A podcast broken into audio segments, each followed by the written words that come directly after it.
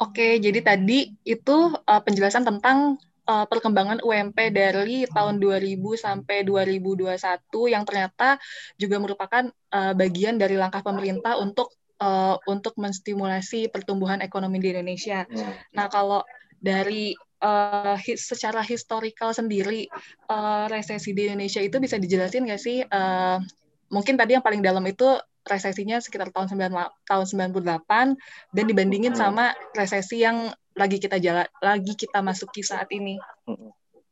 Oke, Pak. Ya, ini di slide ini sih kita bisa lihat ya uh, ekonomi Indonesia di tahun 1998 uh, itu uh, apa namanya?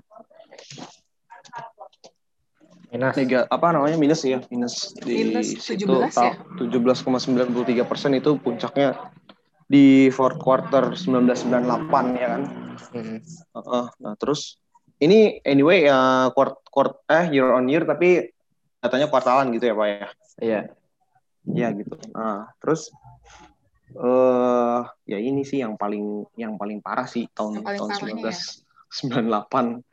Chris yang kita kenal sebagai krisis moneter 1998. Nah, mungkin nah yang ada di benak orang-orang sekarang ya, terutama di Indonesia. Apa namanya? Resesi itu eh, sama kayak Krismon gak sih gitu? Kayaknya ya yang gue tangkap ya. Nah, iya oh, iya iya iya. Hmm. Iya nggak sih, Bro? Mirip kayak gitu. Ya gak sih? Karena uh, karena ketakutannya tuh ketakutannya, ketakutannya tuh langsung ke 98 seperti gitu. itu. Uh, uh, hmm. gitu kan. Nah, kalau yang gue tangkap sih Nah, yang mungkin perlu di educate juga, nah resesi itu uh, belum nggak separah krisis moneter tahun 1998 ya nggak sih Pak? Kalau kalau hmm. misalnya gue salah dikoreksi kali ya gitu ya. Nah, soalnya uh, ini dua kuartal berturut-turut yang dan lagi itu uh, ya emang di masa pandemi gitu. Terus semua uh, negara sebenarnya agak juga, uh, agak beda juga karena uh, kalau Jadi, apa namanya resesi yang sekarang kan rupiahnya justru ini ya uh, lagi uh, lagi ya, menguat gitu kan. Iya. Nah beda sama yang 98 kan sampai jatuh Betul. banget kan dari dari empat ribuan sampai ke tujuh belas ribuan gitu. Jadi emang hmm. lebih parah dulu gitu kan. Makanya iya, PDB-nya anyway. sampai belasan persen gitu. Gitu. Nah, gue oh. sih setuju sih. Nah, itu juga yang ada di benak-benak eh yang ada di benak orang in, orang Indonesia saat ini khususnya ya di, itu pertanyaan banyak banget orang sih nanya ke gue misalnya eh ini Indonesia resesi nggak sih tanya misalnya eh lu kan ngerti tuh misalnya tuh gimana sih resesi emang resesi ya siapa iya benar resesi tapi nggak separah krisis moneter tahun 1998 gitu. Mungkin ini kali ya yang, yang ada beberapa. Hmm, yang bedain 98 hmm. sama 2020 tuh 98 tuh krisis moneter. Emang moneter kita ya. bermasalah waktu itu. Iya. Moneter kita bermasalah gitu dan moneter itu apa sih? Ya moneter dari sisi dari cadangan devisa, dari rupiah, ya. dari suku bunga itu bermasalah semua. Kalau yang semuanya udah, hmm, kalau yang hmm. udah gue pernah jelasin kan waktu pas bahas Pak Habibie kan uh, suku bunga perbankan di Indonesia tuh sempat nyentuh hampir 70%. Jadi lu dapat bunga setahun uh, itu lu bisa dapat 70% di tahun 98. Iya, gua, gua gua uh, dengernya dari orang-orang yang udah angkatan lama lah ya. Iya, yeah. gua dulu pernah uh, udah nikmatin bunga di bank BCA sekian puluh persen gitu loh. Ah, serius. Iya. Gila. Apa Banyak dibandingin sekarang ya, cuma tiga. Loh, bang, tapi bang ada uh, tapi ada tapinya. Kenapa itu terjadi? Biar orang nggak rush duit dari bank. Iya juga. Hmm. Cuman kan artinya ya mereka ya bleeding gitu costnya mereka kan iya. gede yeah. gitu. Dan satu nah, lagi Kenapa sampai 70% soalnya inflasi kita. inflasi kita tuh 68% persen iya. waktu itu. Udah oh. itu masuknya apa ya? Hyper hyper apa? Belum, udah udah high hyper inflasi sih. Jadi waktu itu inflasinya hampir 60-an persen dan uh. apa suku bunga kita wajar sampai nyampe tuh 68 sampai 70 persen tuh wajar karena waktu itu inflasi kita hampir 60 persenan. Jadi ya nah, ini sih perbandingannya di situ ya. Jadi kalau misalnya yeah. wah enak banget dong dapat suku bunga sampai 70%. Ya iyalah orang orang inflasi juga 60%. Wajar aja dapat segitu. Apakah kalian mau seperti itu? Yang enggak kan. Enggak perlu terjadi kan kayak gitu itu. Itu juga kan ekonomi Indonesia kan itu kok uh, sampai minus empat kuartal berturut-turut kan dari iya. apa? Dari kuartal ini pertama, kedua, ketiga, sama keempat. Hmm. Yep setahun makanya setahun. makanya ini ini uh, ya berbeda gitu sih tapi gue mau uh, menurut gue ya hmm. bukan bukan hmm. berarti tahun sekarang nggak parah ya maksudnya nggak parah sih bener be, apa ya tahun tahun ini uh, lebih nggak begitu kelihatan kalau menurut gue sebenarnya iya, iya. ba banyak kalau dibilang ya, parah mah parah ya parah parah cuman orang nggak begitu sih. kelihatan orang nggak pakai jarah-jarah segala macam itu enggak sebenarnya parah coba lu perhatiin deh sih.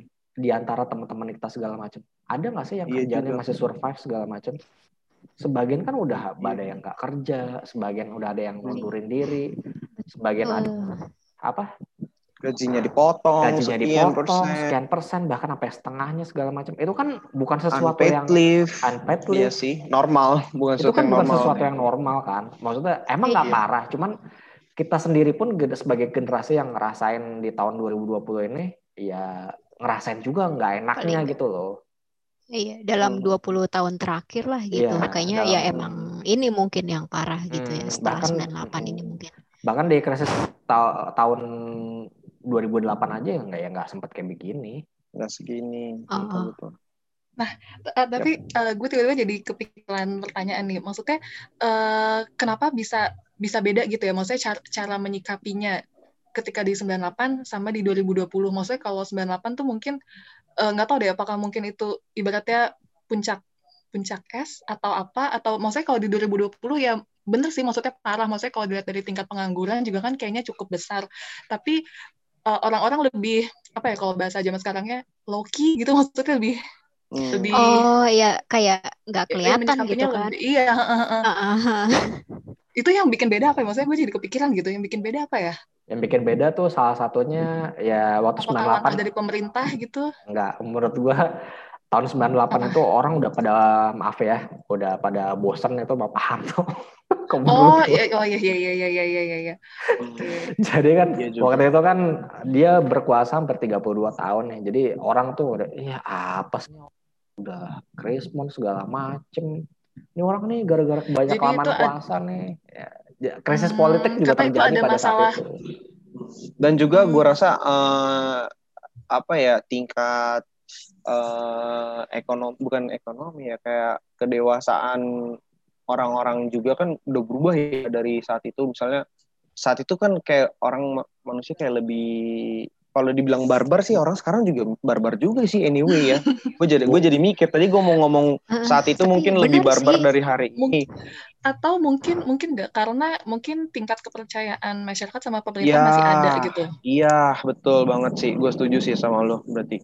Bener. Hmm. Jadi dia dia uh, saat ini ya walaupun mungkin ada yang tim apa ibaratnya yang kontra sama pemerintah tapi uh, yang tadi lu bilang itu kak tingkat kepercayaan sama hmm. pemerintah tuh masih ada dia walaupun apa ya ada walaupun yang anarki, rusuh, ada yang anarki ya. ya kan gitu tapi uh, masih banyak juga yang nggak masih lebih banyak juga yang ibaratnya berpikiran positif gitu berpikiran mm-hmm. uh, dewasa nah dibandingin sama tahun 98 mungkin hampir semua orang udah bawaannya panas pengen anarki gitu kali kan. Mm-hmm. Tapi salah jadi satu kelihatan. Yang, uh, tapi hmm.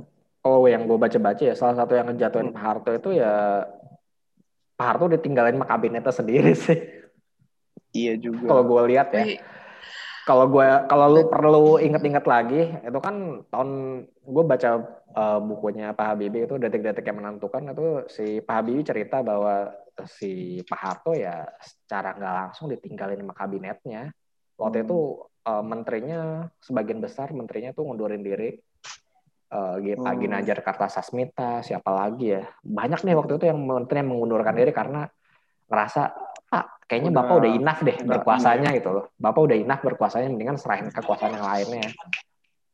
Dan akhirnya waktu itu kan uh, Pak Harto mundur, Pak Habibie naik kan, Pak Habibie naik. Dan bersyukurnya sampai detik ini sih gue bersyukur uh, Pak Habibie menjadi presiden karena dia menjalankan transisinya secara mulus dan efektif meskipun dia dapat kuasa yang sangat luar biasa besar.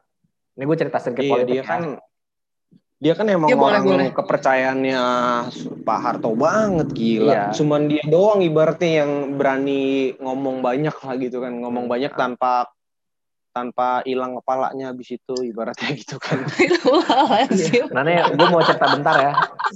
Ini kenapa gue bilang Pak Habibie itu tahun 98 99 itu sangat powerful banget. Pak Habibie itu mewarisi iya. kekuasaan dua per tiga anggota MPR dan DPR Golkar di bawah kekuasaannya dia, dia ketua hariannya, dia ketua umumnya segala macem.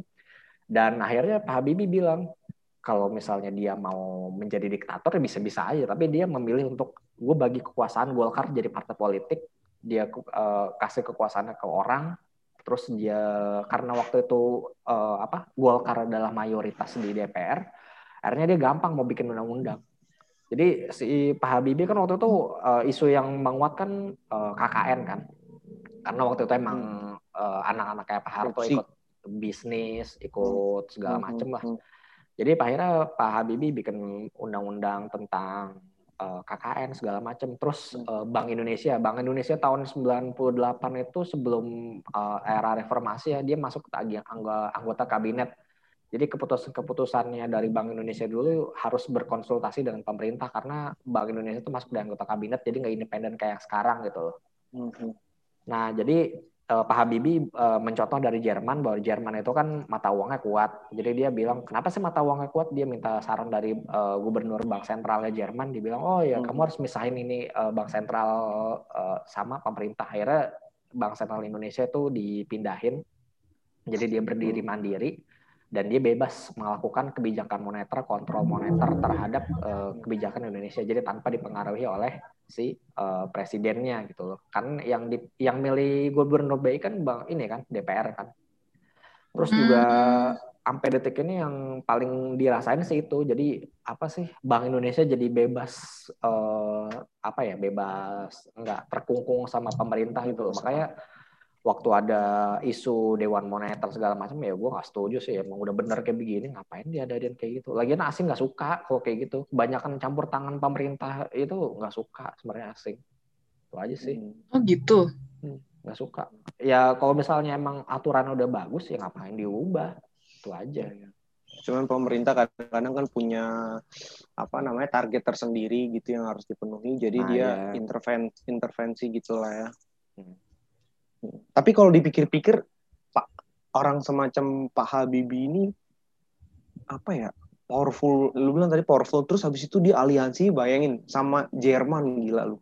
Iya nggak sih? Oh, Salah satu bilang. jenis manusia yang paling pinter di dunia, yang paling kalau lu ngomongin sadis, dia kan sadis juga ya. Kalau lu ngomongin perang dunia, dia kan sadis juga kan ibaratnya yang itu Nazi lah. Lu lu nggak bisa samain Jerman sama itu nggak bisa. Jerman yang dulu dan yang sekarang. Sekarang. Nggak bisa. iya juga ya. Pokoknya ya iya sih. Oke okay lah yang paling pinter lah let's say gitu. Yang paling pinter yang paling berkembang juga salah satu. Iya sih. Tapi gue sih yang gue sayangin orang yang kayak gitu tuh nggak nggak lama di Indonesia gitu. Ya iyalah. Nggak akan lama. Karena banyak orang yang nggak suka. Nggak suka. That's it. Banyak nggak suka. Iya. Kecuali sih. Kecuali lu jadi yes man, lu apa ibaratnya lu gak hmm. kompromi sama lawan politik lu yeah. lah. Nah itu lu yeah. bakal lama deh di pemerintahan. Hmm. Ini kan kalau dia orangnya uh, ya idealis juga sih. Iya, ide bilang kan. sangat idealis kok gue bilang. Hmm, ya. Sangat idealis. idealis. Sangat tapi idealis. dia nggak mau pakai kekerasan misalnya kalau kayak Pak Harto kan mungkin idealis dia tapi yeah. pakai power gitu kan. Kalau dia kan idealis tapi pakai otak gitu nggak. Iya. Yeah Makanya kan Timur Timur mungkin... lepas di tangan dia kan. Ya, jadi dia karena emang dia nggak ngendakin. Ya, udah lah itu dari si gitu. Kita Banyak. lanjut aja lagi ya. Hmm. Lanjut, Pak. Lanjut, lanjut. Oke, jadi uh, jadi tadi itu ya sekilas tentang tahun tentang apa menakutkannya 98 ya. Mm -mm. Oke, kalau yang 2020? Nah. Okay. Sigma mau apa nih 2020? Oh, hmm Nah, kalau 2020 sendiri kan kita baru ngalamin emang iya udah ngalamin dua kuartal berturut-turut gitu kan. Uh, jadi emang bisa mungkin udah bisa dibilang resesi juga gitu. Memang udah Cuma, resesi. Uh, uh, dan tapi ya emang yang udah kita bahas tadi ya secara keuangannya kita masih kuat gitu kan. Dari rupiah cadangan devisa segala macem gitu sih. Hmm. Paling ya em apa ya berdampak paling berdampak gede pasti ke konsumsi kan. Dan nanti ada di slide selanjutnya kayaknya. Hmm. Boleh. Hmm. Jadi okay. ya apa? Uh. Kalau dari lu sampai lu perhatiin ya dari 2010 sampai 2019 itu nggak ada gejolak kayak gimana gimana ya kayak waktu tahun ini kan dari iya, tahun makanya iya ya kalau yang 98 eh 90-an kan kayak roller coaster ya kalau ini kayak hmm. ya udah landai gitu landai oh, iya. tiba-tiba uh. Ceplok. Tapi apa ya, roller, roller coasternya apa ya, waktu tahun 90-an tuh gede gitu loh. Dari 10% hmm. ke 3%. persen. Deviasinya Jadi, lebih gede. Lebih iya. besar. Jadi lu bisa ngerasain ekonominya tuh benar-benar ini ya karena emang deviasi itu gede. Kalau Indonesia, kalau di 2010 sampai 2019 kan kecil ya, cuma dari 6% ke 4 persenan doang. Iya, cuma dua persen lah ininya, range-nya gitu kan. Range-nya dua persen, nggak berasa banget ya, Pak ya. Agak. Ya naik gaji juga nggak berasa sih. Astaga. Itu ngaruh loh ke pasar modal, serius itu ngaruh. Lu hitung aja coba iya, return, iya, return ISG dari 2010 sampai 2020 berapa? Enggak seberapa. Enggak gede juga ya. Enggak gede, hmm. kecuali lu belinya bank BCA, bank BRI ya. Itu ngaruhnya di situ. Ih, gila. Ya udah, lanjut. Nah, ini kan baru tuh kelihatan nih dari kuartal 3 2019 terus kuartal 2 2020 sama terakhir kuartal 3 hmm. perbandingannya ya. Hmm. Oh, kalau Q&Q kan udah jelas banget jauh gitu kan dari konsumsi sendiri uh, itu dari 5% kuartal 3 19 jadi uh, ke minus 4,04 persen gitu. Itu yang emang konsumsi kan yang emang porsi DPDB paling gede juga kan. Habis itu, nah tapi dari impornya sendiri uh, ini kita juga demand dari dalam negeri juga turun banget tuh. Dari Q3 2019 kan minus 8 persen. Nah terus kemarin Q3 2020 langsung minus ke 21,86 persen. Ya ini kelihatan kan konsumsi berkurang, ya permintaannya juga berkurang gitu pertama mungkin ini ya ada hambatan untuk impor gitu loh. Maksudnya kan negaranya di lagi di lockdown oh, jadi nggak bisa impor itu ngaruh di situ juga sih. Ah benar-benar. Ya. Tapi konsumsi pemerintahnya malah gede ya. Iya karena kan ada bansos segala macam. Ini kira-kira uh, apa? Bansos, bantuan Alah. sosial. Oh bansos, oh, iya oke. Okay. Ya. Bantuan sosial Pantesan. tuh yang ngebus konsumsi pemerintahnya, makanya kalau nggak ada uh. kalau itunya nggak ngebus sih mungkin itu wajar sih ya konsumsi pemerintah ngebus ya ya namanya lagi krisis masa nggak ngebus konsumsi rumah tangga tapi yang paling besar ya ya mungkin ini masih... kaca mungkin ini apa uh, perlu iya. tahu juga bahwa struktur PDB Indonesia tuh yang menurut pengeluaran ya yang paling besar tuh konsumsi rumah tangga kedua investasi. Jadi dari konsumsi rumah tangga sama investasi aja tuh udah mencakup 88 88. Iya, 88 persen. Dan ini juga hmm. investasi Indonesia yang mencapai 31 persen ini merupakan uh, shares yang paling besar juga selama uh, pemerintahannya Pak Jokowi ya. Kan Pak Jokowi kan investasi investasi investasi uh -huh. gitu. Makanya sharesnya tuh gede itu ke 30 persen, 31 persen. Di zaman Pak SBY itu kurang dari 30 persen kalau nggak salah, cuman 27 something apa ya, apa 25 apa gimana itu. Hmm. Jadi memang nggak begitu besar karena Pak Jokowi orientasinya investasi ya jadi besar. Terus ekspornya hmm. 17 persen, impornya 14 persen. Yang paling besar konsumsi. Ini harusnya konsumsi pemerintah share-nya harusnya mungkin lebih besar lagi kali ya? Uh, enggak sih, mungkin kalau di kalau di Cina itu kan seingat gue ya 50-50 kalau nggak salah investasinya tuh pemerintah sama Enggak, investasinya. Iya, kayaknya pernah bahas ya. Iya, investasi Cina itu nyampe 50% kalau asal dari PDB-nya di mereka. Oh, harusnya gede gitu maksudnya. Enggak harus segede, enggak harus segede. Maksudnya tergantung dari karakteristik negara itu masing-masing. Hmm. Iya, kalau iya. misalnya emang lagi butuh investasi, ya investasi besar. Cuman yang paling penting kan sebenarnya ini ekspornya mereka, ekspornya negara kita kan. Cina itu lima ekspornya 50 persen, tapi investasi 50 persen. Kita nggak tahu sharesnya ekspornya berapa, konsumsi rumah tangganya berapa. Siapa tahu dia dari eh, shares 50 persennya itu ekspornya juga besar gitu. Makanya pertumbuhan ekonominya kuat banget kan dia. Hmm. Hmm. Oke. Okay. Oke. Okay. Uh, eh, kalau uh, kalau uh, dengan adanya resesi ini kira-kira uh, sektor apa sih yang apa ya yang, yang paling besar memberikan dampaknya ke resesi ini? Yang sektor, sektor apa ini Ekono, sektor ekonomi sektor apa? atau industri apa konsumsi rumah tangga ini ya berarti iya konsumsi rumah tangga oh, yang paling iya. uh, impact sih sebenarnya okay. ya karena share-nya paling besar gitu ya iya share-nya paling besar Sebenarnya ini jadi perdebatan hmm. juga sih ya. Apakah kita harus konsumsi terus biar ekonomi kita bisa naik terus?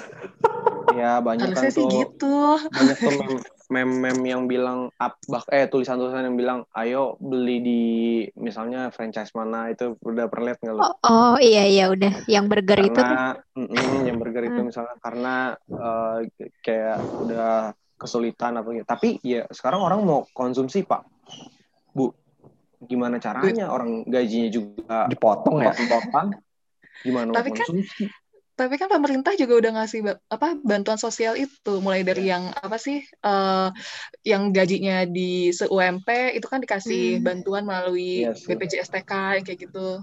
Uh, cuma ini kan pandemi nggak tahu sampai kapan ya. Nah, gue iya rasa sih, sih lebih banyak savingnya gitu daripada iya. buat spending. Iya sih, iya benar-benar. Jadi ya DPK kan ya, pertumbuhannya juga banyak. DPK-nya. Hmm. Oh, DPK okay. bank. Iya, oh, DPK banyak. duit. Kreditnya negatif, minus. Cuman, cuman orang gila. Cuman orang gila kayak gue yang mau ngambil KPR di masa pandemi kayak gini kan. Oh serius, Jo? kan gue mau gila, tapi boleh juga. Me, menyelamatkan PDB Indonesia nih. Gila. Berarti bunga lo dikecilin dong ya? gue gak tahu deh tuh gue gak tahu tuh harusnya kecil tapi kalau kita ngomong tentang ya udah gue sebut aja bank BTN yang ini kalau menurut gue sih nggak sekecil kecil amat sih nggak kecil hmm. menurut masih ya itu tetap bank iya, lain ya? peluang bank juga lain, sih ya, ya buat beli properti gitu. Cuman ini ya uh, ya chance uh, risk and returnnya ya eh risknya gede lah kalau menurut kemungkinan bang eh, wow. kemungkinan bangkrutnya tuh udah udah meningkat signifikan lah ya pokoknya ya. Banget gila.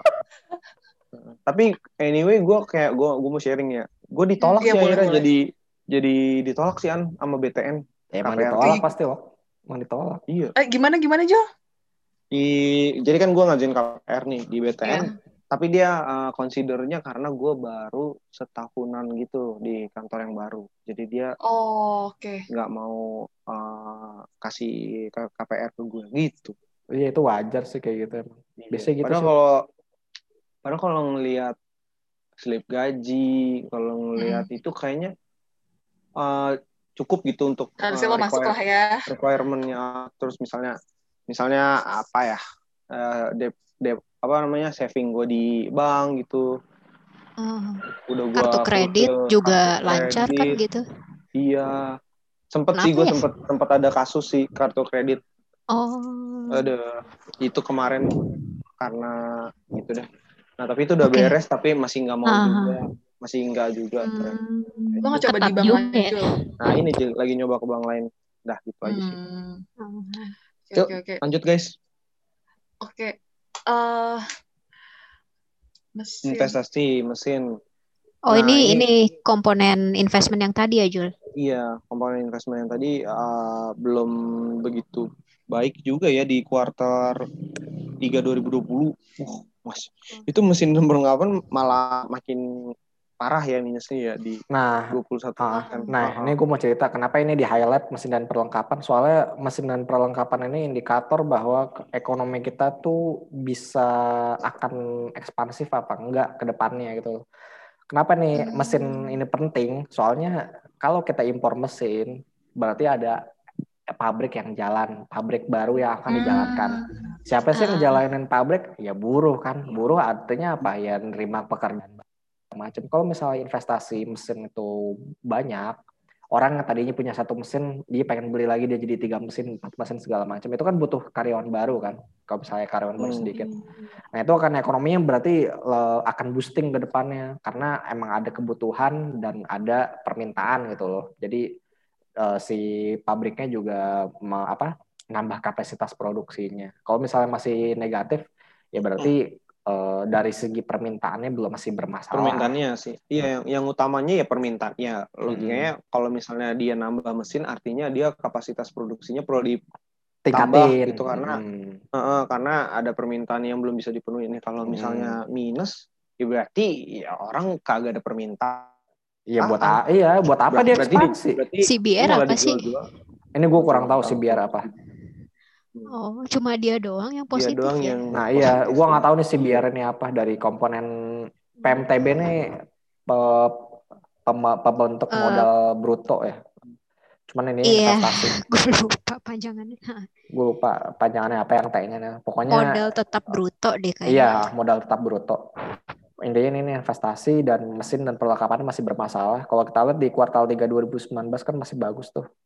Terus oh. 2020 minus kuartal 3 uh, lebih parah lagi. Jadi oke. Okay. Bagaimana? Baik, okay. berarti uh, berarti kalau kalau tadi uh, gue dengar dari penjelasan tentang resesi, berarti sebenarnya resesi itu resesi 2020 ini memang udah bisa dinyatakan resesi karena uh, selama dua kuartal sebelumnya uh, ekonomi Indonesia uh, dinyatakan hmm minus. Uh, dan juga kalau misalnya dibandingin sama resesi dua, uh, 98 itu mungkin nggak semenakutkan dan tidak semengerikan tahun 98 tapi uh, tetap juga uh, cukup cukup harus dikhawatirkan juga karena kan uh, cukup terasa dampaknya di tingkat pengangguran. Nah kalau misalnya untuk di kuartal selanjutnya mungkin nggak sih, uh, maksudnya kira-kira butuh berapa lama sih untuk ekonomi Indonesia ini membaik dan keluar dari uh, dari uh, apa ya term resesi ini? Kalau itu Q4 kayaknya sih ya? nggak ada hitungan pastinya ya. Pastinya rasa ya. sih kalau hmm. ngomong uh, kapan. Tapi ya ya itu as soon as possible itu tadi apa namanya vaksin ya vaksin itu tersebar terdistribusi dengan rata gue rasa sih harusnya udah bisa ini ya pokoknya kan soalnya kalau udah vaksinnya ya udah nggak ngapain lagi psbb ngapain lagi lockdown. Udah normal aja kan langsung lagi balik lagi. Bisa bisa pulih lagi sih gitu aja. Tapi hmm. nggak tahu ya vaksin kan kayak masih ada perdebatan sendiri gitu. Ya, makanya. ya itu uh. sih. As soon as possible uh. Uh, covid-nya ini beres kan soalnya sekarang masih masih belum beres tuh uh. ya udah baru kita bisa ngomong kapan nih ekonomi membaik sih kalau menurut gue gitu kalau ya, menurut gue sih Q4 gimana? sendiri Q4, Q4 sendiri mungkin masih negatif. Ya? Negatif oh, tapi ada pick up gitu. Mm -mm, Uh, pick up tapi masih gitu. negatif ya. Iya uh -uh. gitu sih. Gue juga berpikir kayak gitu sih, tapi kalau bener-bener recover full belum sih kayaknya 2020 ya. Uh, 2021 gue juga kayak belum yakin juga sih, nggak tahu juga. Iya. Emang lihat ini perkembangan pandemi ke depannya hmm. gimana gitu. Ini, ini kalau kalau misalnya Januari Februari katanya itu distribusi uh-huh. udah jalan, nah gue baru bisa optimis dah tuh di 2021. Distribusi oke, okay. tapi uh. gimana ya? Kira-kira pada pakai semua nggak tuh?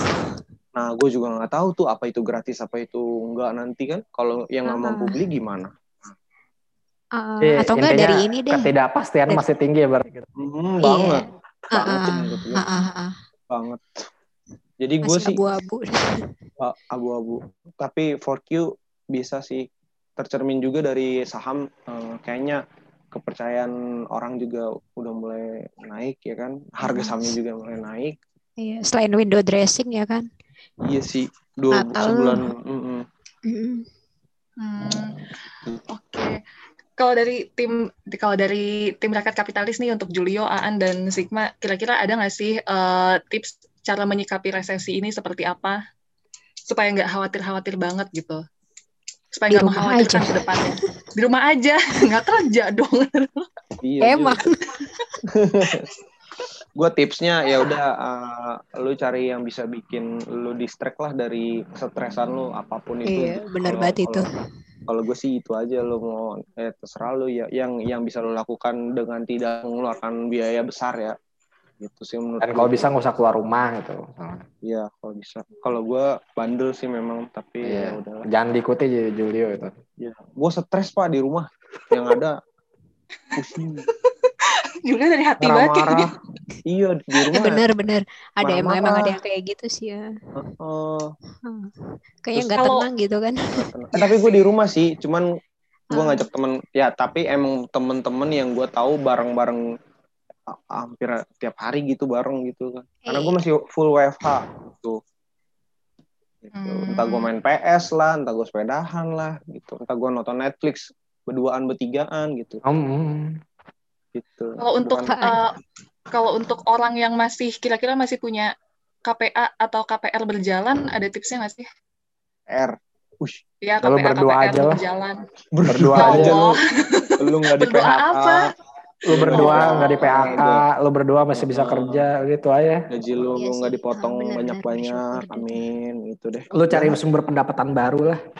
Iya sih, iya iya banyak sekarang yang hmm. iya banyak sekarang orang yang uh, melakukan side hustling gitu untuk melakukan pekerjaan tambahan. Hmm gitu dan juga banyak usaha pengusaha-pengusaha kecil kan kayak di online shop online shop sekarang kan banyak yeah. banget mm. yang yeah. usaha catering gitu sebenarnya sih saling membantu aja kayaknya sih setiap masyarakatnya ada yang belanja ada yang jual juga yeah. gitu terus sesusah-susahnya lu jangan melakukan kejahatan lah ya jangan nipu orang jangan nyuri jangan ngerampok tapi ya kan kalau ngomongin ini uh, pasti banyak lah yang nipu orang ya? lah iya anarkis jangan anarkis lah jangan marah-marah gue ya. jadi ingat 20 m nih Iya, baru gue pengen ngomong itu oh maksud gue. Oh, itu 22 M itu.